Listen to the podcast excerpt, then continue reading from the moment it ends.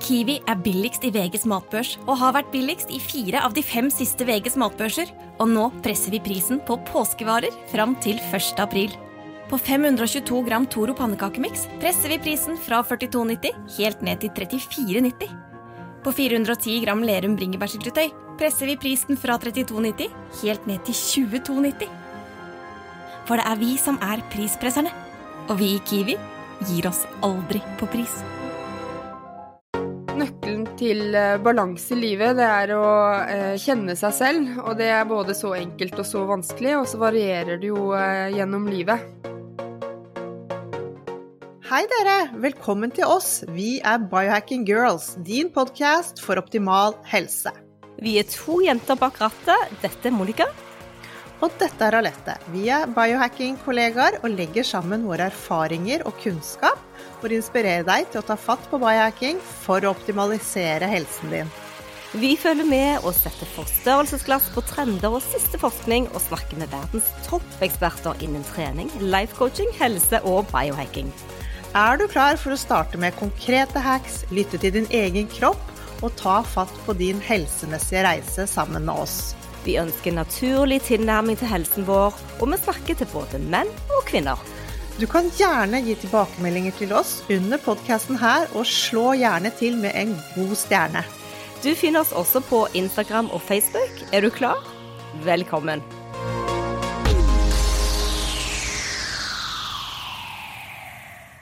Vi eh, har eh, vekslet litt mellom internasjonale gjester og norske gjester, og i dag er vi veldig glad for å ha en dyp og viktig og varm samtale med en av Norges første podkastere, nemlig Sara Lossius.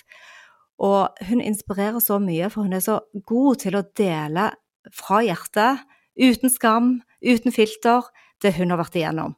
Ja, dette har vi gledet oss uh, veldig til, og særlig jeg, for jeg er nesten litt sånn starstruck av hele Sara Lossius, for hun var faktisk den første norske podkasten jeg begynte å høre på. Jeg, jeg regner med jeg var hennes lytter nummer én. Jeg var tidlig ute med, Var du det? Ja, jeg var tidlig ute med å høre på podcaster, men da var det ikke så mange, de var amerikanske, og så kommer denne norske stemmen. Og ikke bare det, men hun snakket også veldig mye om crossfit i disse årene, og det sådde et lite frø hos meg. Så dette skal bli en fin samtale. Så det betyr at det har ligget og ulmet litt etter crossfiten eh, siden du hørte Sara drive med dette? Det har virkelig ulmet, men jeg har- fant liksom aldri tiden og bare liksom tenkt på det. Så det var først etter covid at jeg tok det skrittet helt ut. Ja, Sara Lossius hun eh, inspirerer, og man kan fremdeles høre de gamle episodene på Ingefær eh, som har eh, masse verdi i den dag i dag, og Lossius som snart er i gang med ny sesong. I dag skal vi snakke om temaet utbrenthet, fordi den driftige kvinnen hun er, hun har virkelig jobbet og stått på, småbarnsmamma, forfatter, foredragsholder, og vært rundt omkring, eh, men har òg måttet kjenne på sine egne grenser for hva hun tåler, og hva hun klarer å mestre. Og en dag så sa det rett og slett stopp. Hun ble veldig dårlig. Ja, og vi tror det er så viktig å få flere av disse samtalene ut, og få mer og mer fokus på dette, for det er faktisk veldig, veldig mange som går og sliter og har mye å gjøre, stress, kanskje ikke, kanskje ikke helt klarer å definere det, og jeg tror hvor mer åpne vi er om dette Hun fortalte jo til og med selv at det var vanskelig i begynnelsen, for du er jo en vellykket kvinne. Få disse historiene ut og høre andres erfaringer, det er god hjelp for alle. Utbrenthet er et tema som mange vil kjenne seg igjen i, og for Sara sin del så var det sånn at hun måtte skru av alt. Slutte å lytte på podcaster og ikke høre på radio og musikk. Hun måtte ta det helt rolig hele fjor sommer og bare nullstille seg for å finne tilbake til energien. Så bli med oss på denne reisen sammen med Sara, og vi håper at du blir inspirert til å enten ta fatt på noe du bærer på selv, eller kanskje du kan være en god venn for noen som du ser har tegn på utbrenthet. Så litt om Sara. Hun startet som sagt en av Norges første podcaster i 2015. Den het Ingefær. Denne hadde opp mot 150 000 nedlastninger i måneden, og i fem år drev hun denne før hun tok en pause. Og så i 2023 kom hun tilbake med et podcast talkshow som heter Lossius, og nå er det snart andre sesong av den. Sara er forfatter av fire, kanskje det kommer flere, bøker som alle har vært bestselgere. Hun er foredragsholder, småbarnsmamma, kommunikasjonsrådgiver. Hun har en master i sosialpsykologi med vekt på kommunikasjon fra London School of Economics. Sara er òg mentaltrener fra Rå trening, og har i sin tid vært crossfit-instruktør. Kan man få en bedre gjest enn dette? Velkommen, kjære lyttere, til Biohacking Girls, din podkast for optimal helse. Sara Lossius, velkommen til oss på podkasten vår. Eh, fra en veldig erfaren podcaster til oss som har holdt på tre, ja, inn i det fjerde året. Så hyggelig å se deg. Å, det er veldig, veldig, veldig stas å være med. Dette har vi gledet oss veldig til. Og vi må jo begynne, for du har jo skrevet en bok i sin tid om morgenrutiner. Så hvordan har din morgen i dag vært? Nei, altså bakgrunnen til boken var jo mye fordi jeg ble irritert på at man på amerikanske helsepodkaster og sånn, så snakket man om disse fancy-schmancy morgenrutinene, hvor man enten måtte ha nanny eller tålmodig kone, følte jeg, mens mine morgener som trebarnsmor var kos og kaos. Og det har det vært i dag òg. Altså, eh, jeg skriver jo om rutiner for deg som har mye tid, liten tid og ingen tid, og til morgen i dag så hadde jeg lite tid. Men man kan fremdeles ha gode morgenrutiner likevel. Så jeg har, eh, fikk kaffe på sengen av mannen min. Det får jeg hver morgen. Eh, og da, eh, kanskje man ikke burde starte med kaffe og heller glass vann og masse greier, men for meg den kaffekoppen i sengen servert av mannen min som han har gjort i et års tid, det gjør hver morgen sånn fantastisk god start på dagene. Eh, og det er en liten kjærlighetsakt også, som jeg tar med meg videre inn. At han gidder, for jeg hadde ikke giddet det. Eh, Og så setter jeg Jeg går gjennom hva jeg skal i løpet av dagen. Tenker på hva, litt hva jeg hadde lyst til å prate med dere om i denne samtalen og andre ting. Og så er det komplett kaos med tre barn, for eksempel, da. Blanda med kos. Ja, da er vi jo rett inn i et viktig tema allerede. Det å sette for uh, høye uh, krav til oss selv og ha for mange ting på agendaen på morgenkvisten, som du snakket litt om. For det kan jo fort bli litt for perfekt og litt for mye. Ja, altså, morgenrutiner varierer jo gjennom livet, ikke sant. Altså sånn, vi har jo bedre tid på morgenen nå enn bare når barna var mindre. For mine er ehm, Ja, når det her kommer ut, så er de 11, 9 og, og 4. Mens når jeg hadde en treåring, en ettåring og sånn, så, og ikke sov på natten, så var det jo umulius å tenke på meg selv. Mens nå har jeg jo tid til eh, mye, mye mer. Og i helgene så leser jeg jo alltid avis og drikker et par kopper kaffe og liksom får kost meg ordentlig. Det fikk jeg jo ikke før. Eh, men det å, å, Hvis jeg skulle hatt som mål å stått opp klokken fem for å trene, meditere, eh, skrive i boka og sånn, så hadde jeg konstant vært mislykket. For det greier jeg ikke i den livssituasjonen jeg er nå. Men det kan godt hende at jeg greier det om eh, fem år, da, når, jeg, når barna er litt større og selvstendig. Så det er så viktig å tenke på sånn, hvilken kontekst er man i, og hva kan jeg få til innenfor de rammene man har. Ikke for de rammene man gjerne skulle ønske at man hadde, for det ønsker man jo hele tiden. Hvis det bare hadde vært sånn og slik, så hadde jeg vært sånn og slik, og alt hadde vært sånn og slik og kjempebra. Mens bare ta et ærlig blikk på nå-situasjonen og tenke ok, situasjonen min er sånn, hva kan jeg gjøre for å gjøre det best mulig? Og man kan ha ganske lite tid på morgenkvisten og likevel gjøre noe som gjør at Stressnivået reduseres, eh, lykkenivået øker, følelse av mening øker, eh, følelse av tilfredshet øker, sånn at man starter på godsiden med seg selv og livet. Det trenger ikke ta mange sekunder i det hele tatt. Så Det er liksom små grep som kan gjøre en veldig stor forskjell i løpet av dagen, bare man er klar over hvilke verktøy man har i skuffen, og ta litt kontroll over det selv. Du har master i sosialpsykologi, du er forretningskvinne, podcaster, mamma. Ja, du har mange baller å sjonglere. Dette med rutiner, tenker du at det kan være med uansett på å avvikle stress, eller hjelpe oss litt for å få litt mer oversikt? Tenker du da på morgenrutiner, eller rutiner generelt, liksom? Generelt. Både morgenen og helt generelt? Jo, men det tenker jeg sånn, det kommer an på hver person, for man må kjenne seg selv. Noen blir jo veldig stressa av f.eks. full kalender hvor alt er, eh, alt er satt på til punkt og prikke hva man skal gjøre, mens andre finner stor ro i rutiner. Altså noen er liksom rutiner er frihet, mens for andre er rutiner et fengsel. Så alt det her det kommer an på, er jo å kjenne seg selv, hva som gir energi, hva som får energi, når du trives eh, når du opplever stress, og analysere når du opplever at du er i en eller annen flytsone, hva er det som gjør det, og når du opplever stress, hva er det som gjør at du reagerer med stress. Og så bygge hverdagen rundt det så godt det er mulig. Jeg tror veldig mange av oss eh, syns at en viss grad av rutiner eh, er tryggende, og det samme er jo f.eks. med festdager, markeringer og, og at året går, og at man liksom feirer visse ting. Det er jo den rytmen. Det gjør jo godt, for det er noe trygt med det. Det er noe som man kommer tilbake til. Det er eh, ja, det gjentagende i livet er også veldig trygt og beroligende og samlende, da. Så jeg er nok fan av rutiner, men det er sikkert andre som er mye mer rutinepreget enn det jeg er. Jeg tror at hvis man er skikkelig rutinepreget, så er det kanskje ikke eget AS man skal starte, da skal man kanskje være noe annet. godt, godt poeng. Du Sara, vi skal jo snakke litt om eh, ja, livet i forhold til å bli stresset, og kanskje til og med nå så langt at man brenner seg litt ut eh, fordi man har for mye å gjøre, og dette med grensesetting.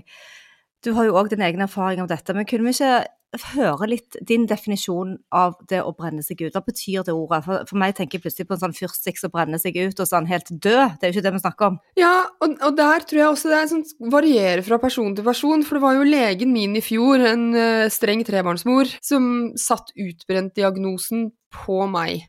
Og det var litt sånn lettende, fordi jeg tenkte å ja, er det derfor jeg er så sliten? Men samtidig så ser jo jeg for meg når man er utbrent, at man ikke orker noe som helst. Fordi det er jo historien Jeg leser jo også historier om mennesker som har vært utbrent, som ikke kommer seg opp av sengen, som går liksom så på veggen.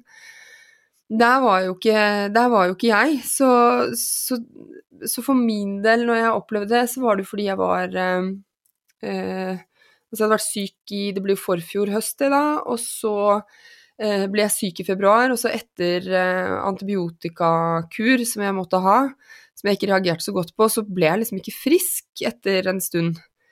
Og det kunne ta seks uker altså med den infeksjonen jeg hadde hatt, men når seks uker var gått, så, så var jeg fremdeles sånn at min uh, datter som da var tre år, la seg på sofaen med teppet over og sa 'nå leker jeg, mamma'.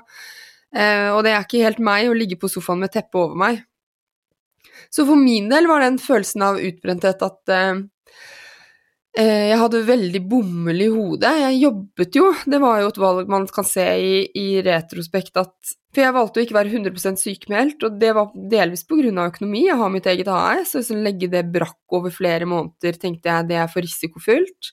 Eh, og så jobbet jeg da mellom 40 og 20% og noen ganger litt mer. Vi varierte litt fra uke til uke, jeg og legen min. Eh, og jeg tror at å jobbe egentlig kan være positivt fordi eh, du blir ikke bare sjuk, liksom. Du tenker på noe annet enn at du føler deg ganske elendig, og det tror jeg er kjempefint. Men så spørs det jo åssen jobben er. Eh, og i dette tilfellet her så var jobben også et energisluk av dimensjoner, dessverre. Så da ble det Altså, det, det bomulls... Det gjorde at eh, Ja, at jeg glemte ting. Jeg glemte ord. Og etter hvert så sykemeldte jeg meg 80% sånn at jeg bare jobbet 20 og den jobben jeg da hadde på 20% var positiv. Så det var bra. Men jeg, jeg, glemte ord. Jeg lever av ord, så det er veldig sånn slitsomt å, å glemme hva ordet brød er, f.eks. Jeg sov veldig mye. Eh, det er da den kaffevanen kom, fordi jeg slet med å komme opp om morgenen, så da visste Jon, mannen min, at eh, en kaffe på sengen hjalp, da jeg begynte før jeg tok Altså, det jeg skjønte at nå må jeg faktisk ta helt fri, og da tok jeg helt fri i sommer, var når jeg begynte å miste hår. Helt uh, sykt. Altså, sånn på badet, sånn etter at jeg hadde dusjet, så måtte jeg tørke opp hår både fra dusjen og fra badet. Og det var litt sånn alarmerende for meg at liksom det Da begynner kroppen å Det her er ikke bra. Så da tok jeg syv uker helt fri i sommer, og så har jeg gradvis jobbet meg opp etter det. Det er veldig mange tanker rundt det å være utbrent. Nå ble det monolog her, dere må bare ut, nei, avbryte. Men, men, man ser jo for seg en person som ikke greier noe, og så ser man også for seg at man bare skal hvile litt, og så blir man frisk, og så er eh, tilstanden eh, mye mer kompleks enn det. For noen er det fint å jobbe, for andre ikke. For noen er det kanskje fint å trene, for andre ikke. Så igjen så er det liksom jeg tenker at hvis man har en god lege, og det har jeg, eh, og jeg er heldig som kjenner meg selv veldig godt og har drevet en helsepodkast, jeg har utrolig mange verktøy. Så jeg tror at det gjorde også at jeg har kommet på beina ganske fort igjen, i tillegg til å gjøre noen endringer da i livet. Mm. Ja, tusen takk for at du deler, for den historien den er jo viktig for andre òg. Men hvor lenge tror du at det har ligget latent før det virkelig da smeller, at du blir så dårlig at du ja, at det går utover den fysiske helsen din òg? Og eh, hva er det som utløste det? For det kan jo sikkert være mange faktorer som spiller inn. Ja, det kan være veldig mange faktorer. Og jeg, jeg tenker på, jeg er glad i den eh, i å tegne opp livshjulet. At man har en kake, og så har man ulike kakestykker. Så er det da helse er en, jobb, eh, personlige relasjoner, økonomi. Eh, altså man deler inn, og så setter man en karakter fra én til seks. Og så tenker jeg at man kan godt leve godt med at f.eks. to av de kakestykkene ikke har så høy score. Fordi eh, hvis man skal forvente av livet at eh, livet piker på alle områdene samtidig hele tiden, så, ha, så kan man eh, Jeg tror ikke det er sånn livet er, da.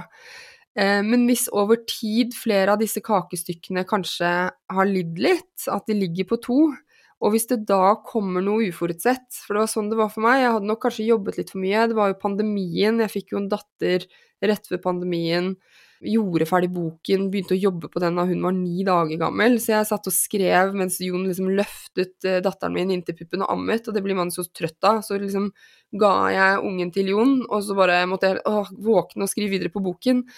Og så ble den lansert da, da pandemien kom, og så ikke sant, Det er masse greier som bare har akkumulert. Fordi jeg, jeg tror jeg brukte tre måneder på å skylle av meg skammen for å gå på veggen. Jeg tipper at veldig mange kjenner seg inn i det, fordi du føler veldig sånn personlig skyld.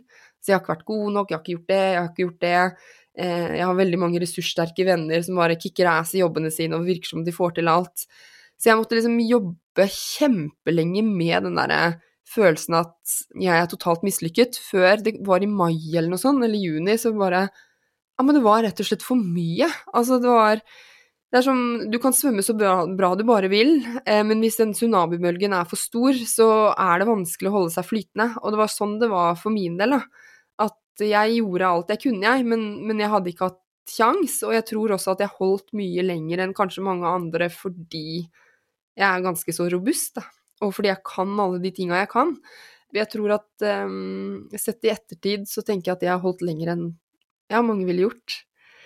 Og kommet raskere på beina òg. Men skjønte du det selv, eller tenkte du bare at du var syk og du ikke ble frisk? Var det legen din som måtte gjøre deg oppmerksom på at Sara, du er rett og slett utbrent, eller ja. hadde du intuisjon om at det var det som skjedde? Nei, jeg Jeg, jeg, jeg syns jeg var veldig mye sliten, og det plaget meg veldig. Og det var jeg sur på meg selv for. Nei, det var legen som sa 'nå setter jeg en annen diagnose', ja. Det var ikke jeg. Nei, nei, nei. Så, så, det takket være en streng og god lege som ser hele. Hun ser hele og er opptatt av kvinnehelse og er veldig tydelig, så jeg er veldig takknemlig for henne. Men er det sånn at det, er det bare stress, det å leve under press, som gjør at vi blir utbrent, eller kan det ha andre årsaker også? Det tror jeg leger får snakke om, eller andre som psykologer eller noe sånt. Men jeg bare tror Altså, man har jo et samfunn som, hvor man kanskje ikke er rigga for suksess, sant. Altså, forskning viser Jeg leser en bok nå som handler om tid, og hvis man opplever at man har for lite tid, noe veldig mange gjør, jeg har ikke tid til det, jeg har ikke tid til det, så er det første som ryker, er jo å ta vare på egen helse. For veldig mange av oss. Det er ikke alle som er det, men det er ganske gjengs at da spiser man dårligere, sover mindre, trener eh, mindre, ikke sant. Alle de tinga som egentlig er superviktige, for du skal du skal leve i egen kropp og hode resten av livet, og så er det den vi neglisjerer først, når opplevelsen av lite tid er der. Og det, sånn var det jo med meg også, selv om jeg kan masse om helse. Så det er samfunnet vårt med at vi, veldig mange av oss må ha to fulle jobber, ikke sant. Det er suksess før man er 40 helst. Altså det er en del sånne usagte forventninger som vi kanskje ikke stiller spørsmålstegn med, men som jeg tror stadig mer folk stiller spørsmålstegn med, da, for hva er suksess, hva er lykke? At man stiller Man kan ta kanskje litt mer alternative valg nå enn før. Så det er det ene hvilket samfunn vi er skrudd inn i. Akkurat som man sier jo sånn ja, kvinner har endelig kommet inn, ut i arbeidslivet, men vi jobba jo ganske mye hjemme før også. Det var ikke sånn at man lå på sofaen og, og eh, tittet ut av vinduet og, og snuste på blomstene, liksom. Altså det å drifte huset hjem er jo noe, det òg. Så det glemmer man litt. Og så er det det eh, privatbagasjen. Altså vi er genetisk rigga ulikt oss for stress, toleransen for stress. Eh, noen har opplevd små eller store traumer i barndommen som, eh, som påvirker stresstoleranse og kan komme med trigger i ulike deler av livet. Um, og så er det til slutt da eh, hva man kan selv kan gjøre eh, å Og litt personlighetstype, for eksempel. Altså hvis du er en som har høye mål og liker tempo og Jeg tenker litt på deg, Monica, som ikke er så veldig glad i å ligge på ryggen med beina høyt hevet for å slappe av. Så det er kanskje lettere da å Altså at man får så mye energi av å gjøre ting, og så glemmer man litt å sette på bremsen i tide. Altså, du kjører litt for fort i slalåmbakken og grisetrynet, liksom. Og det gjorde jo jeg som liten, for jeg likte ikke så godt å lære meg å bremse. Jeg syntes det var gøy med fart. Og, så hvis man har den personlighetstypen, så kanskje man også går eh, Kan møte veggen fortere, eller må guides mer i å roe ned. Eh, og så, ja så det er tre lag, da. Jeg hører deg, og jeg er helt enig. Og dette med flink pike kommer veldig sterkt opp eh, hos meg, for det har iallfall jeg vokst uh, sterkt opp med òg. Og tenkt at uh, ja, jeg er jo flink i alt og jobber på, og det er nesten så det var flaut å sette grenser, da, for var jo, det var jo forventet at jeg skulle være så flink hele tiden. Og Derav kommer jo òg tempoet. Når jeg leverer tre oppgaver mens andre kanskje leverer én og en halv, så er jo jeg så flink, og det forventes at det skal være sånn helt til du plutselig møter veggen, da. Og da har man på en måte en pålagt eh, rolle som du ikke egentlig har bedt om, som gjør at farten blir enda fortere, ikke sant? Ja. Og så er det forventninger til deg selv òg, da, for du har jo klart det før, så da må du klare det en gang til. Eller? Jeg vet ikke om du kjenner deg igjen i det? Jo, jo, ja. absolutt. Det er jo noe du er vant til å klare. Altså, folk tenker kanskje at det, det er ikke vanskelig for Monica, f.eks., for, eksempel, for hun fikser jo alt. Ja, jeg kjenner meg inn i den. Men det er jo ikke sant. Og jeg har jo fikset alt.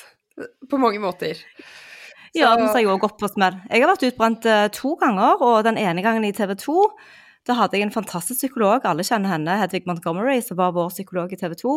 Og det hun gjorde i den strategien de ukene jeg var borte fra, fikk masse fin forståelse fra sjefen min der, det var og begynne å legge merke til ting i naturen. Uh, når du trør på løvet, hvordan du uh, vasker hendene dine, kjenner at såpen glir i hånden din, puste Altså, jeg hadde så mange gode teknikker så fikk meg fort på beina igjen. fort.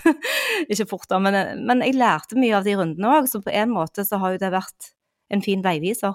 Ja, jeg er veldig Altså jo, jeg, jeg, Nei, nå for det første så har jeg ikke noe skam over det mer, og jeg er heller ikke sur på meg selv over at det skjedde, for jeg tenkte at det Jeg har en god venninne, Karina Carl, som har skrevet 'Tenk enkelt' og, eh, og 'Tenk mindre', og hun skriver vel i en av bøkene sine at eh, sånne reaksjoner, da, som eksempel angst, eller sånn, at det er en naturlig reaksjon på en unaturlig hendelse. Så, og når man tenker på det så møter man seg jo selv med større selvomsorg. Jeg tenker sånn, ja, men selvfølgelig trengte du å roe ned, så fint at kroppen din sier fra. For jeg er jo egentlig mest av alt veldig takknemlig for at, den, at jeg ikke kjørte meg selv så hardt at jeg våknet opp i senga og ikke kunne røre meg, eller fikk panikkanfall, som noen beskriver det som, eller blir lagt inn på sykehus med hjerteflimmer. Fordi det er jo noen som kjører seg selv så hardt. Mens jeg fikk jo en lege som oppdaget symptomene kanskje tidligere enn andre, og at jeg skjønte litt tidligere, da. Og det er jeg veldig takknemlig for. Fordi da kan man være ute i år, ikke sant. Flere år. Men jeg har ikke vært i, i nærheten av å, å, bli utbrent selv. Jeg, jeg, er ikke der. Men jeg har jo sett veldig mange rundt meg, og så lurer jeg på hadde du vært mottakelig for hjelp tidligere, eller måtte du gå så langt ned uh, som du kom? For jeg skulle gjerne hjulpet andre og si 'nå ser jeg tegnene'. Eh, nei, vet du hva, jeg, jeg, tror, jeg, tror, at det at jeg ble så dårlig med den infeksjonen, bare akselerte det, eh, egentlig. For jeg har jo prøvd å holde igjen over tid selv, for jeg, jeg har jo kjent på Altså, jeg skrev tre bøker på 14 måneder, for eksempel. Eh, to medforfattere og en egen, mens jeg hadde en podkast, og den ene boken ble lansert, og jeg jobbet som kommunikasjonsrådgiver og holdt noen foredrag, og jeg visste jo at dette er for høyt. Altså, dette her er ikke bærekraftig over tid. Det visste jeg jo. Det kjente jeg jo i kroppen og alt sånt her.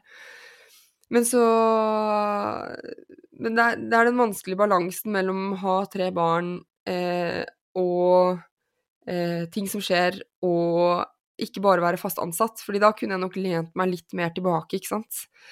Så jeg vet ikke om jeg kunne gjort så mye annerledes, egentlig. Fordi jeg tenker at man muligens ikke alltid har personlig skyld i det heller.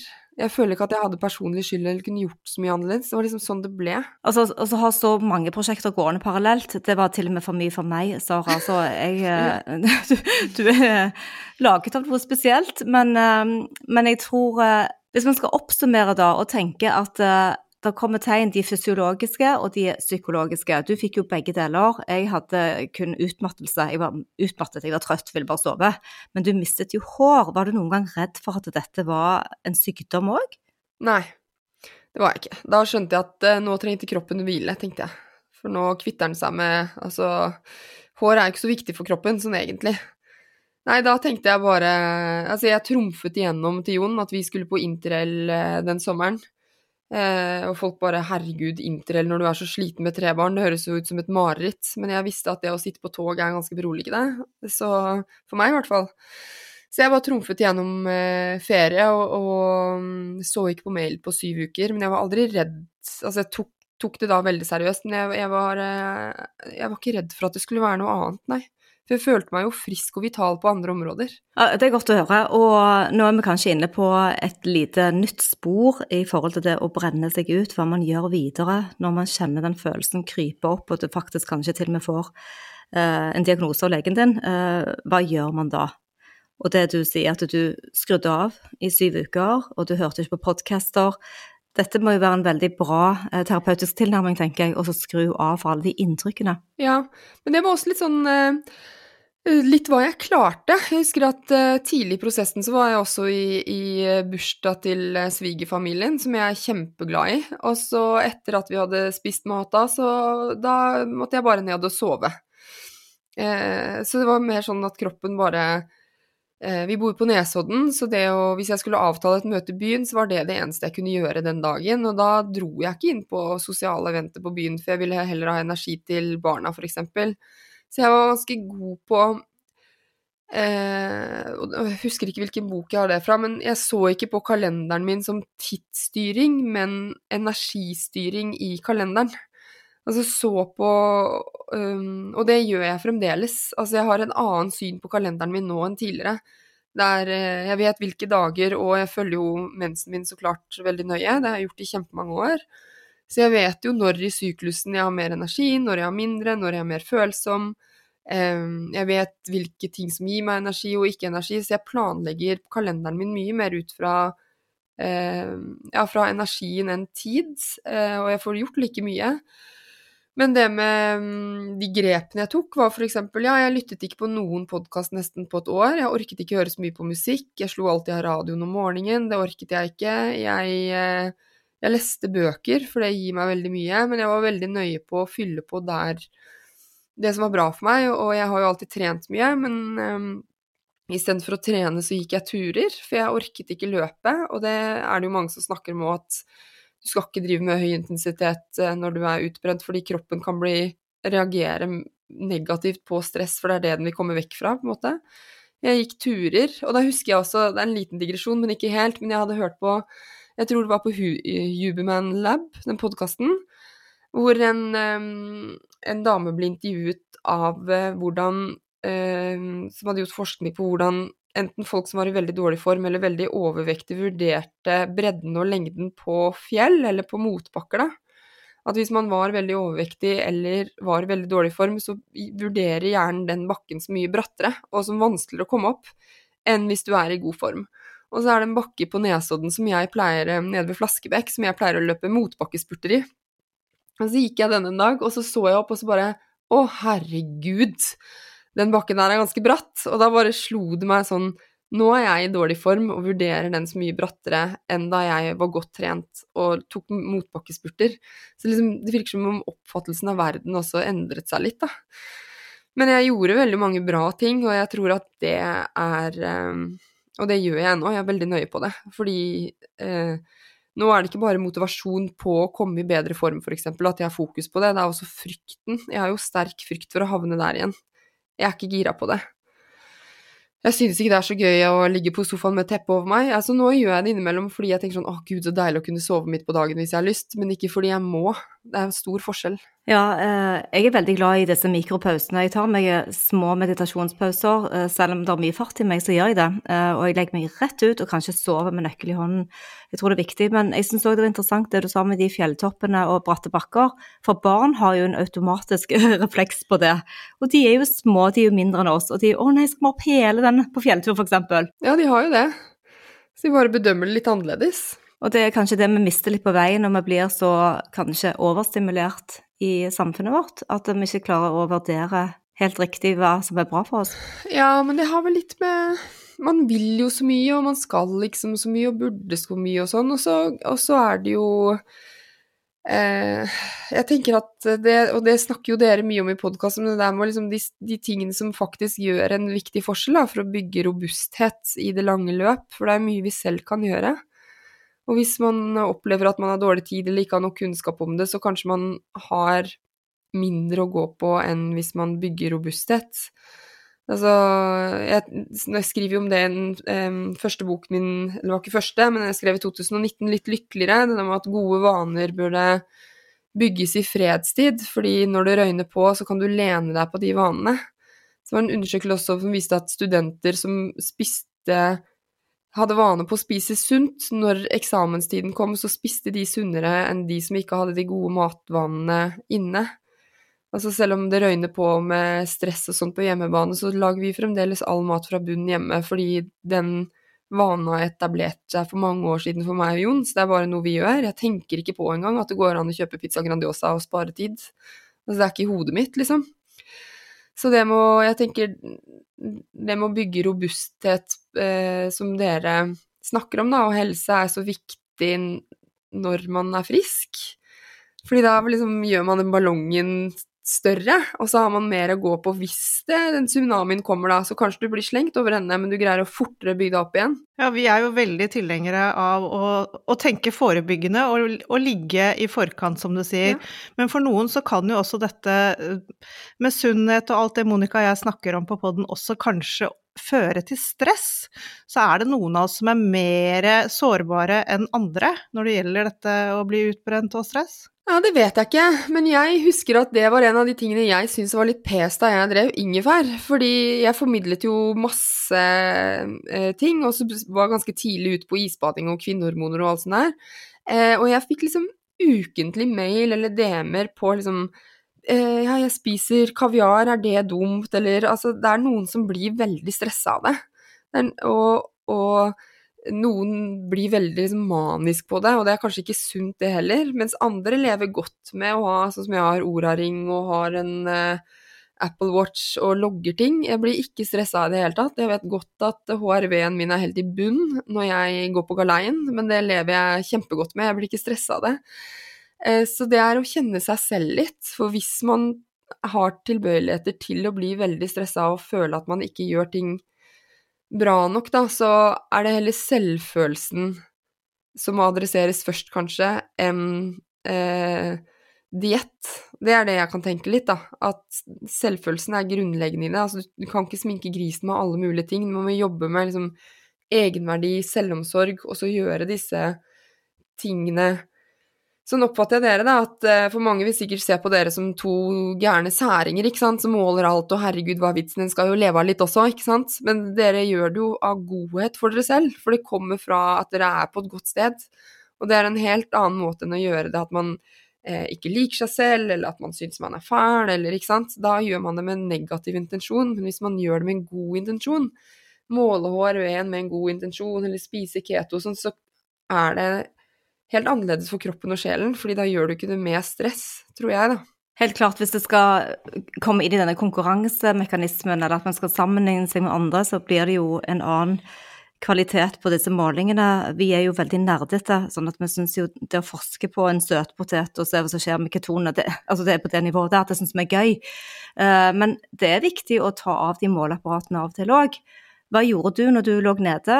Skrudde du av det òg, da? Nei, nei, jeg fulgte kjempe med, jeg. Syns det og det, men eh, eh, Det som var litt sånn skremmende med det, var at det var så ekstrem forskjell på HRV-en min eh, når jeg var syk, eller ikke når jeg er syk, men til vanlig og på ferien. Eh, og nå er jo den HRV-en tilbake liksom litt der den var, så jeg lurer på jeg tenker at det er lurt å måle over flere år. Nå har jeg hatt den et års tid, ikke sant. Så jeg ser at på ferien så er jeg Når jeg ikke gjør noe, så er jeg veldig høy HRV. Altså, mens jeg lurer på om liksom min baseline HRV når jeg er i jobb og har barn og sånn, rett og slett bare Jeg må leve med at den er litt lavere, da. Altså Oura-ringen min sier at det er bra, men jeg så jo hvor høy den kan være. Men nei, jeg tok ikke av i det hele tatt. Jeg syns det var interessant å måle på Men på den tiden så var det ikke daytime stress på Ora-appen sånn som det er nå. Så nå ser jeg jo det på en annen måte. Ja, det er sant. Eh, det er jo nye generasjoner stadig som, eh, som hjelper oss å navigere bedre med den ringen. Og så er det jo dette vet du at du ikke skal sammenligne med andres tall. sånn at når du får en god score, så er jo det basert på det totale bildet, ja, ja. selv om den er lav. Ja, og så vet jeg jo også at det er så det er så mye som påvirker den. Altså når jeg er i Vet du nå som jeg skal ha mensen om et par dager, så er alt litt dårligere, om man kan si det sånn. Fordi eh, eh, kroppen er i premensmodus. Men det må jeg også si, og jeg tenker dere har hatt masse om kvinnehelse og syklus og sånn, at når jeg var for stresset, så hadde jeg så sjukt kjip PMS. Eh, I forhold til når jeg ikke pusher kroppen min sånn. For jeg blir så mørk før mensen hvis jeg er for stressa. Altså sånn kjempemørk, hvor det er liksom vonde tanker, og jeg vet jo at dette er hormonene mine som snakker, men så er det så mørkt likevel at man eh, blir liksom tatt av det litt. Eh, og jeg snakket mye med mannen min at liksom shit, det her er Nå er det vanskelig, liksom. Det er så mørkt. Men nå som jeg tar mer generelt har kommet over å jobbe på en annen måte, da, med energistyring og sånn, så er jeg litt mer lettrørt, liksom, før mensen, men jeg er ikke nede i sumpen. Så jeg tenker at for kvinner Nå er det jo sikkert mange som går på piller og kanskje ikke lytter av den her, men, men ehm, eh, syklusen, altså mensen din, den forteller utrolig mye ting om kroppens tilstand. Og det å lese den jevnlig over flere år, det har gitt meg veldig mye kunnskap. Den var regelmessig hele tiden, f.eks. Noen mister jo mensen av stress òg, ikke sant. Det hadde jeg aldri. Så jeg kjørte meg ikke så som noen gjør. Personlig så merker jeg ingenting verken av fullmånen eller jeg er ikke premenstruell. Altså, den kom som lyn fra klar himmel hver måned. Jeg er alltid like uforberedt, så derfor må jeg bruke en app for å vite når jeg har mensen. Ja. Jeg kjenner ingenting. Nei, jeg kjenner ikke noe i kroppen, altså det er bare sjelen. Heldigvis har jeg aldri hatt vondt eller noe sånt, men, eh, men sjelen blir mørk, ja, hvis jeg kjører på for hardt. Og det er så individuelt. Det er derfor vi kan ikke gi råd, ikke sant? Vi må bare prøve hele tiden og dele historier, så kan folk eh, assosiere seg med forskjellige ja, historier til folk. Andre faktorer som spiller inn når det gjelder å bli utbrent, kan jo òg være mennesker rundt oss. Folk eh, man omgås med, kanskje nær familie, venner, som plutselig utfordrer en på en måte som ikke er like i takt med oss selv og hjertet vårt. Hva tenker du om det, Sara? Eh, hva tenker jeg om det? Jeg prøver å la Og jeg er ikke noe perfekt mor, altså bare så det er sagt. Jeg føler at jeg er eh, eh, feiler daglig som mamma, men det gjør vel kanskje alle mødre. Eh, men jeg prøver, jeg prøver å lære barna mine at det å sette grenser er fint, eh, og at det å eh, si nei er å si ja til andre ting. Det har jeg kanskje ikke sagt til de, men det er det i hvert fall for meg. Men bare det med at grenser Respektere andres grenser og lære egne grenser. Og jeg vet ikke om det på 80-tallet var det som man ble lært opp til. Altså, du snakket om at du var flink pike, Monica, og da, da går du jo over egne grenser noen ganger, eller du blir kanskje pusha av andre som ikke respekterer dine grenser. Så for meg har det med grenser liksom kommet gradvis. For jeg har noen ganger tenkt sånn Ja, men ja, den personen hadde kanskje rett, eller jeg burde ikke kjenne på denne grensen, eller Altså liksom satt spørsmålstegn ved egne grenser. Og det kan jo være mennesker som har hatt gode intensjoner, på en måte, men at jeg tenkte at mine følelser eller mine grenser ikke er valide, da. Og når jeg snakker om det med andre, så er det så mange som kjenner seg igjen i det. På at, eh, at egne grenser At man, man stiller spørsmålstegn ved egne grenser istedenfor å være sikker på egne grenser. Og det gjelder jo også folk. I, eh, både i arbeidslivet, privatlivet, familie og alt sånt der. Så jeg liker den boken til Melissa Urban, hun som startet uh, Whole 30, som heter The Book, of, nei, The Book of Boundaries, heter den. Boken om grenser. Som er veldig fin. Hun har sånne script, hun har masse ulike ting på hva man kan si når man skal ha grenser, og så kan man si det på en grønn måte, som er veldig kos og klems, og så kan man si det på en oransje måte, som er litt mer, og så er det rød, så bare Jeg liker ikke det, gå ut av huset mitt, omtrent. Så den er Jeg syns for min del så har den vært fin, og den handler jo om grenser, f.eks. på familiemiddager, da. Altså, jeg har ikke opplevd det, men sånn hvis hvis man har en familie som høylytt poli diskuterer politikk, og det blir alltid blir sjukt dårlig stemning for noen stemmer Frp og andre stemmer SV, og det, noen liker Sylvi og andre ikke syns den er så stas, så går det an å si sånn vi kommer gjerne på middag, men vi vil ikke diskutere politikk, være så ærlig på det. Eller med mat, som sikkert mange kjenner seg igjen i. Altså, jeg kommer gjerne, men jeg tar med meg egen dessert, for jeg spiser ikke sukker. At man bare tør å være så tydelig. Jeg tror um ja, og det snakker veldig mange eldre kvinner at det blir lettere og lettere når man er oppe i 50-årene eller hva som helst, så kanskje jeg gleder meg, nei da. Men at man øver seg på det, da. Og det innebærer også disse energityvene av mennesker, rett og slett. Så ja. Men jeg greide ikke å gi noe bedre svar enn det. Det er så bra, det svaret. Og jeg må bare si akkurat det med grensesetting og familie, det, det er det området jeg strever mest jeg syns det er kjempevanskelig, for du har så sånne definerte roller innen familien din er, som er veldig, veldig vanskelig å jobbe med det hele tiden og prøve å komme ut av de, for det er, det er ikke alltid de er så bra. Nei, og så endrer de seg i løpet av livet òg. Altså kan man Det tror jeg Altså, bare Ja, men jeg er jo ikke helt den samme som jeg var for fem år siden, så nå syns jeg ikke det er greit. Det var kanskje greit for tre år siden, men akkurat nå er ikke det greit. Og det gjelder jo for eh, sikkert for min, altså for andre og for meg også. Men eh, jeg vil jo tro at det å være litt tydelig på egne grenser gjør det jo lettere å omgås deg som person, da, for du veit jo hvor du har det mennesket. Det kan òg ligge litt sånne uberørte gamle traumer i oss, eh, fra små hendelser òg. Ikke nødvendigvis de verste og største, men som kan ligge der og ulme. Det kan jo òg kanskje bygge seg opp til å bidra i en kollaps en dag hvis man blir utbrent? Ja, og ikke bare utbrent, tror jeg. Jeg tror man møter barndommen sin senere. Altså, den um, The Body Keeps the Score er jo veldig fin uh, på det, uh, syns jeg. Og så er det jo Man trenger jo ikke Jeg hadde jo om traumer på den nye podkasten min Lossius for å snakke om det, og jeg syns det var så fint når de snakket om at det trengte ikke være Det var ikke noe sånn konkurranse i å ha det største traumet, fordi um, ting som vi har opplevd i Alle har jo opplevd et eller annet traumatisk, og så er det noen som har opplevd på en måte mer traumatiske ting, men, men det påvirker jo oss med at man får triggere. Altså, han jeg intervjuet, han brukte eksempel på at faren til en han hadde jobbet med, eh, kjeftet så mye på han, og så fikk han en skikkelig bossy sjef, og det han bare frika ut av å jobbe der, og så var det på grunn av den bossy sjefen så fikk han triggere. Så, eh, så å finne, og det tror jeg er liksom voksenlivet. Det kan skremme meg litt som mamma, at man bruker så mye, i hvert fall jeg har gjort det, jeg har liksom brukt ganske mye tid i voksenlivet mitt til å bale med ting i barndommen. Og det har ikke vært det, det har vært veldig mye fint, fint, fint i min barndom, men det har vært noen ting som har vært vanskelig, som det er i alles.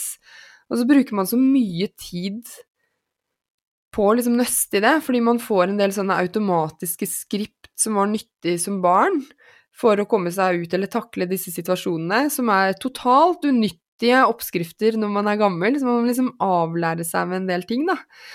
Så det kan jeg tenke på noen ganger, eh, at jeg bare Hva er det mine døtre skal avlære seg fra å ha meg som mor, eksempel?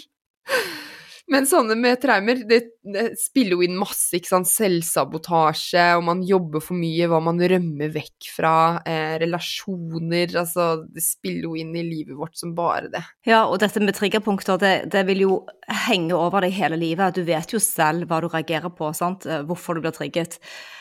Men det er kanskje ikke alltid lett å se det i selve situasjonen, at man skal smi mens jernet er kaldt. Mm. Ja, eller analysere litt av det, prøver jeg å gjøre. Hvorfor ble jeg så sint der? Jo, det er på grunn av det.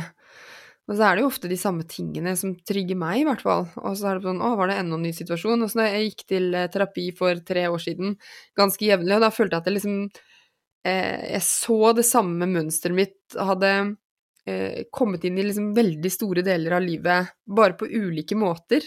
Så når jeg begynte å nøste i det, så liksom slapp det, da, på alt fra ja, trening til jobb til, til parforhold, at det, det, samme skriptet som hadde gått på autopilot, bare spilte inn på alle områdene i livet mitt, og når jeg så det skriptet, så liksom så forsvant det litt. Jeg skulle ønske at det var gratis psykologhjelp til alle.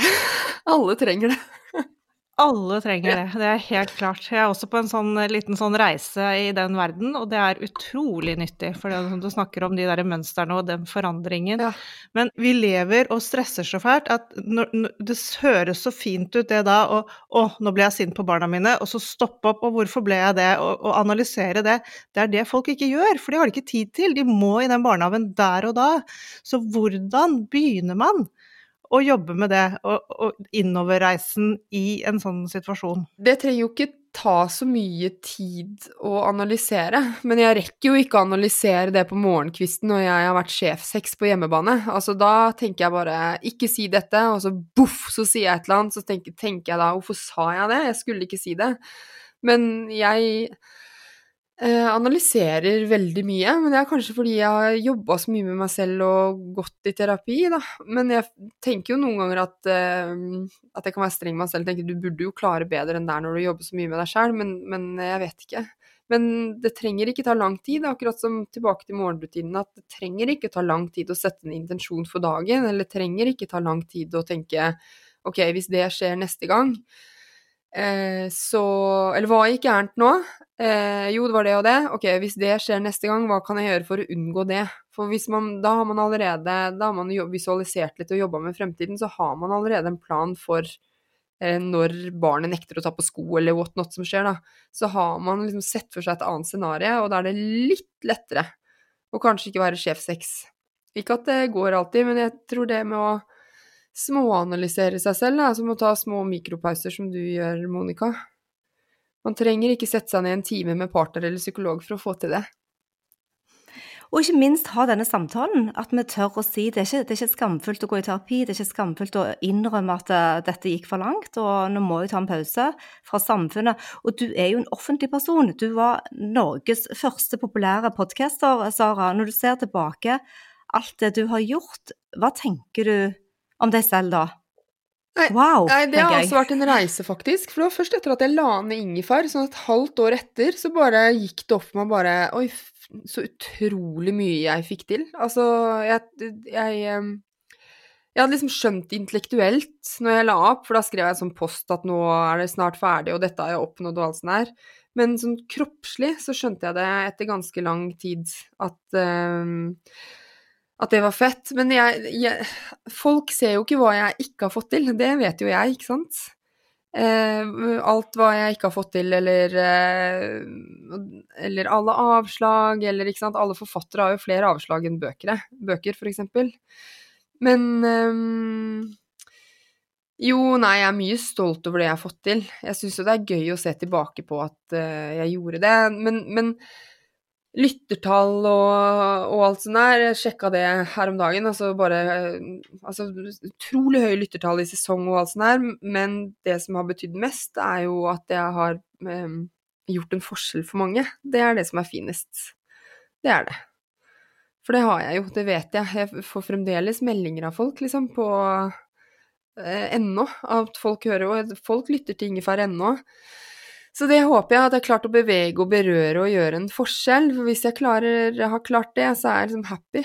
Ja, det har du virkelig gjort det, Sara. Og du var jo den første podkasten Alette hørte på i, når du kom ut. Det er så stas. altså. ja, det er helt sant. Jeg tror jeg var lytter nummer én. Altså, jeg var så begeistret. så det er litt gøy å tenke på. Ja, det er veldig gøy. Eh, jeg tror iallfall det er en veldig god egenskap å kunne se det som er bra, fordi at vi husker ofte det negative. Du får én kritikk, og så får du ti positive feedback eh, tilbake, så husker man det negative.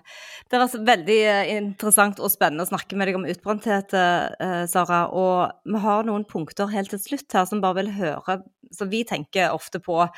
Så kanskje Livet er jo på en måte som en stor mattallerken med både makro- og mikronæringsstoffer eller riktige fettstoffer. Man må tenke helhet, at mange ting kan jobbe godt sammen. Så det første punktet vi hadde lyst til å spørre deg om Ja, det var dette med meditasjon. Eh, hvordan inkorporere det i et sånt liv som man skal prøve å unngå utbrenthet, litt mindre stress? Jeg mediterer ikke, da. Eh, men eh, jeg liker å gå tur i naturen, for eksempel. Det er jo meditasjon, det. Ja. Jeg ror en del. Eh, det er jo kjempekjedelig, eller å jogge, men det, det er min type meditasjon. Den der, eller gå på langrenn nå, det der med hvor du bruker kroppen på en ensformig måte over lengre tid. Det er min type meditasjon, mens andre liker å meditere. Men man må finne ut hva som funker for at hjernen kommer i det moduset hvor default network-modus, er mode network, ja, hvor du kommer i hvilemodus. Det er superviktig, og for noen er det meditasjon, og for andre så er det å ro 5000 meter i kjelleren. og det er jeg så enig med deg i, at det kan være kjedelig for mange å meditere, men at man finner en uh, av-knapp i forhold til ja. prestasjoner. Ja, men jeg hadde guida meditasjon en periode, så det var veldig nyttig, men det er ikke alltid det funker. Men, um, og så har jeg lyst til det, men jeg er også veldig på at liksom alt i sin tid. Jeg tar det veldig sånn skrittvis på ting nå. Dette med bevissthetstrening, eh, for ifølge neuroscience så er det ikke nok å bare forstå det du jobber med. Du må virkelig arbeide med en endring og føle inni hjertet ditt at det skjer en endring. Eh, sånn som type med morgenmeditasjon, eller at kroppen skal føle seg trygg for at du skal klare å gjøre de eh, endringene, sånn at nervesystemet henger med. Mm. Eh, hva tenker du om det? Det tenker jeg at jeg vil lese mer om. Veldig bra. Dette, dette, henger jo sammen, ikke sant. Det er jo det derre at man kan meditere så mye man vil, eller, og man kan trene og koble av så mye man vil, men hvis man ikke er bevisst på det, så blir det bare en del av, av massen, på en måte. Det er, det er, det vi tenker med den bevisstgjøringen også rundt mm. det, da. Og så er mm. det jo også selvfølgelig å bryte mønster. Det å ikke gjøre akkurat det samme hele tiden for folk som er veldig opptatt av vaner. Kanskje man skal komme litt ut av det, gå og kjøpe kaffe på en helt annen sted enn det du pleide, gå en helt annen tur. Bare for å skru av litt i hodet. Hva tror du om det? Jo, det tror jeg er lurt. Også, det er jo også at hvis man gjør litt annerledes ting, så, så opplever man at tiden eh, strekker seg også. Så det er også det, hvis man er litt sånn i hamsterhjulet, så det å gå en annen vei til jobb, eller spise en annen frokost, eller gjøre noe helt annet i helgen, så, føler, så strekkes den følelsen av tid. Og igjen så kan jo det redusere opplevd stress, og at man tar bedre valg for seg selv. Så det å jobbe med måter som gjør at hjernen liksom strekker tiden, det er supernyttig. Så fantastisk. Eh, Sara, helt til slutt her nå, hva gjør du nå i dag, og hva skjer med podkast og bøker? Jeg lager en sesong til av Lossius, som jeg har tweaka litt, da. Eh, så den kommer ut eh, mest sannsynlig i mars. Bøker håper jeg det kommer en til, vi får se litt på det. Og så har jeg noen andre prosjekter i ermet, og bortsett fra det så eh, prøver jeg å trene eller bevege meg hver morgen. Det er liksom det viktigste de tolv første ukene av, eh, av 2024. Det, det, er, ja, det er det som er viktigst.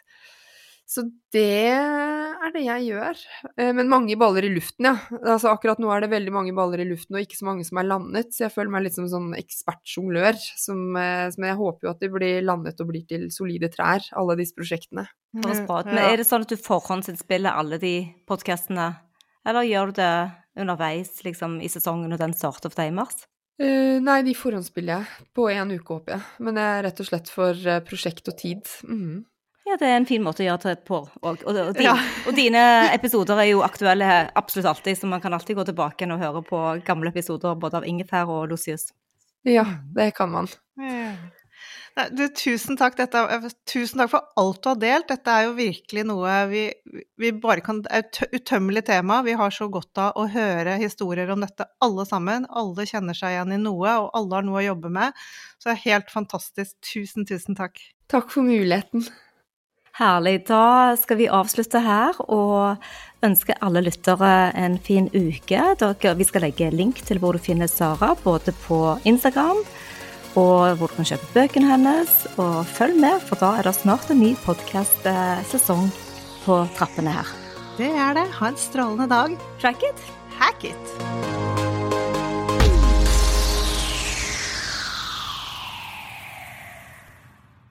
Vi minner om at dere må snakke med egen lege eller kostholdsveileder om dietter og andre spørsmål relatert til medisiner og supplementer. Informasjon vi deler, kan ikke bli brukt til å diagnostisere, behandle, forebygge eller kurere noen sykdommer eller tilstander. 20 nye sparetips hos Kiwi. Dette er mitt sparetips. Nyheten First Price kjøttdeig svin uten tilsatt vann og salt. Garantert billigst i Kiwi. Nå får du First Price kjøttdeig av svin til 29,90, First Price bacon til 21,90 og mange andre First Price-nyheter hos Kiwi.